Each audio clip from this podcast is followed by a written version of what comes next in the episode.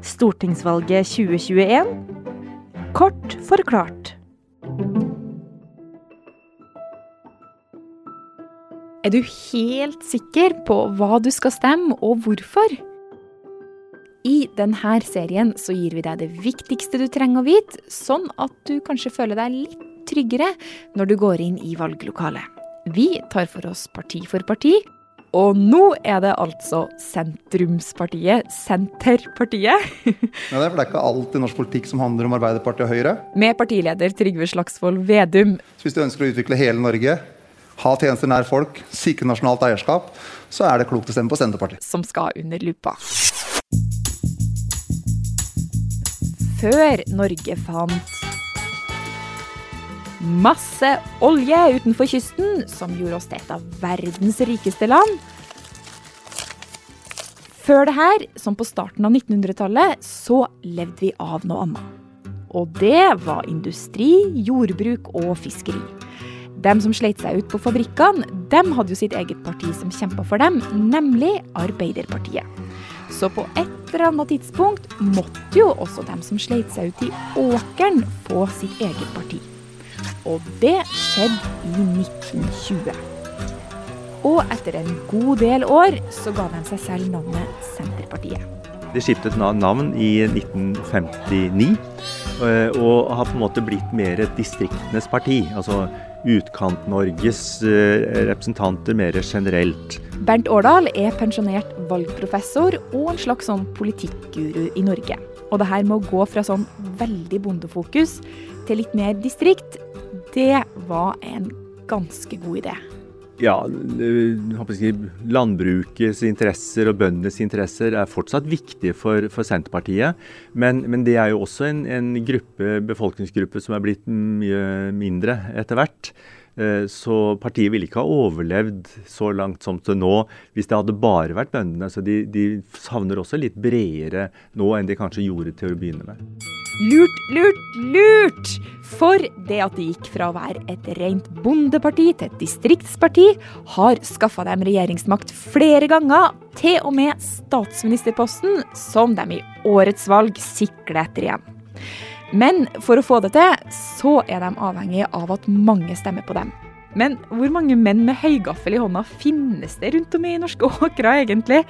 Eller er det her en riktig karikatur av Senterpartivelgeren, Bernt? Jeg tror nok at de er mer motorisert i dag ja, enn det er det. Men, men, det er jo Og det er klart at det er ikke bare bøndene, det er også distriktsbefolkningen, og det er også ved kysten, ikke sant. Ikke bare på, på landsbygda. Uh, og ikke minst rundt omkring i, i, i Norge. Men det som, som, er veldig typisk, det er hvis vi spør uh, Senterpartivelgeren hva som er viktigst, så sier 70% av dem at distriktspolitikk er viktig. Så det er virkelig en sånn fyrtårn uh, for velgerne når det gjelder distriktspolitikk. Som egentlig er den kjipe følelsen av at det sitter noen politikere i Oslo og bestemmer sånn at tilbudene utenfor Ring 3 blir dårligere.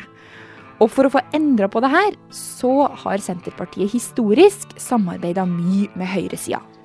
Men de siste tiårene har dratt dem bitte litt mot venstresida. Og det er at for Senterpartiet så er kanskje det viktigste at de har tatt avstand fra det vi kaller for markedsliberalisme. Dvs. Si at markedet, private markedet skal få operere mest mulig fritt. Fordi at de er avhengige, og ikke minst Eh, primærnæringene, landbruket, avhengig av en beskyttelse mot utenlandsk konkurranse. Og det er det på en måte bare en staten som kan gi dem. Men det er jo også en del innad i Senterpartiet som, som gjerne ønsker dem tilbake i, liksom på den andre siden, da, i, blant de andre borgerlige partiene. Så det er nok en, en, en viss spenning innad i partiet på det spørsmålet.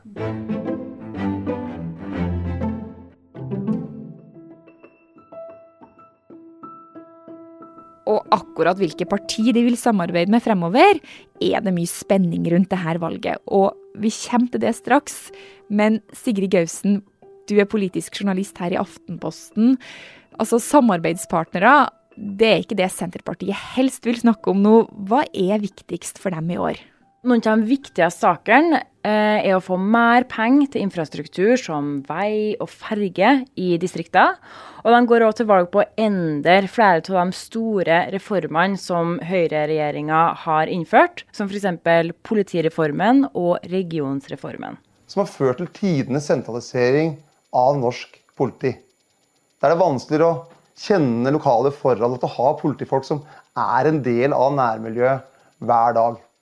Det siste året har jo vært en kjempefest for Senterpartiet. For på meningsmålingene så har de vært Norges nest største parti. Men nå etter sommeren så har de ligget en del lavere igjen, selv om det fortsatt er ganske bra for å være dem.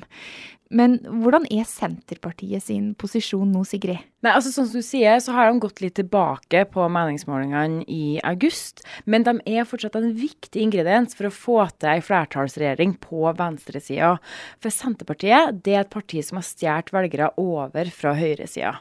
Og det her kan jo føre til et uh, regjeringsskifte. Og det som har funka for Senterpartiet, det er å snakke høyt om distriktspolitikk. Og det kommer de egentlig bare til å fortsette med. Men vi i Senterpartiet mener det er kjempeviktig at vi framover står opp for nasjonalt eierskap og sikrer at norske skoger, jord, vannkraft, den type naturressurser er på norske hender og skaper lokal verdiskapning. Og målet deres det er jo å få et regjeringsskifte med Arbeiderpartiet, og de vil også at Vedum skal bli statsminister. Men det her, det har det vært mye bråk rundt. Ja, fordi de har sagt at de ikke vil ha med sin gamle regjeringspartner, nemlig SV, hvis de vinner valget. Det kan høres eh, litt rart ut, men det handler egentlig om at de er uenige om en del saker, som f.eks. oljepolitikk og innvandring. Ok, Så da blir det egentlig Arbeiderpartiet og Senterpartiet, da, hvis eh, Senterpartiet får det som de vil? Ja, men det er jo egentlig ikke dem som bestemmer det. Fordi velgerne blir jo avgjørende for hvordan en eventuell rød-grønn regjering kommer til å se ut. Og det er ikke sikkert at Vedum får det som han vil. Så det du egentlig sier til å si nå, det er at det her er noe som kommer til å bli veldig spennende etter valget? Ja, her er det mye som kan skje.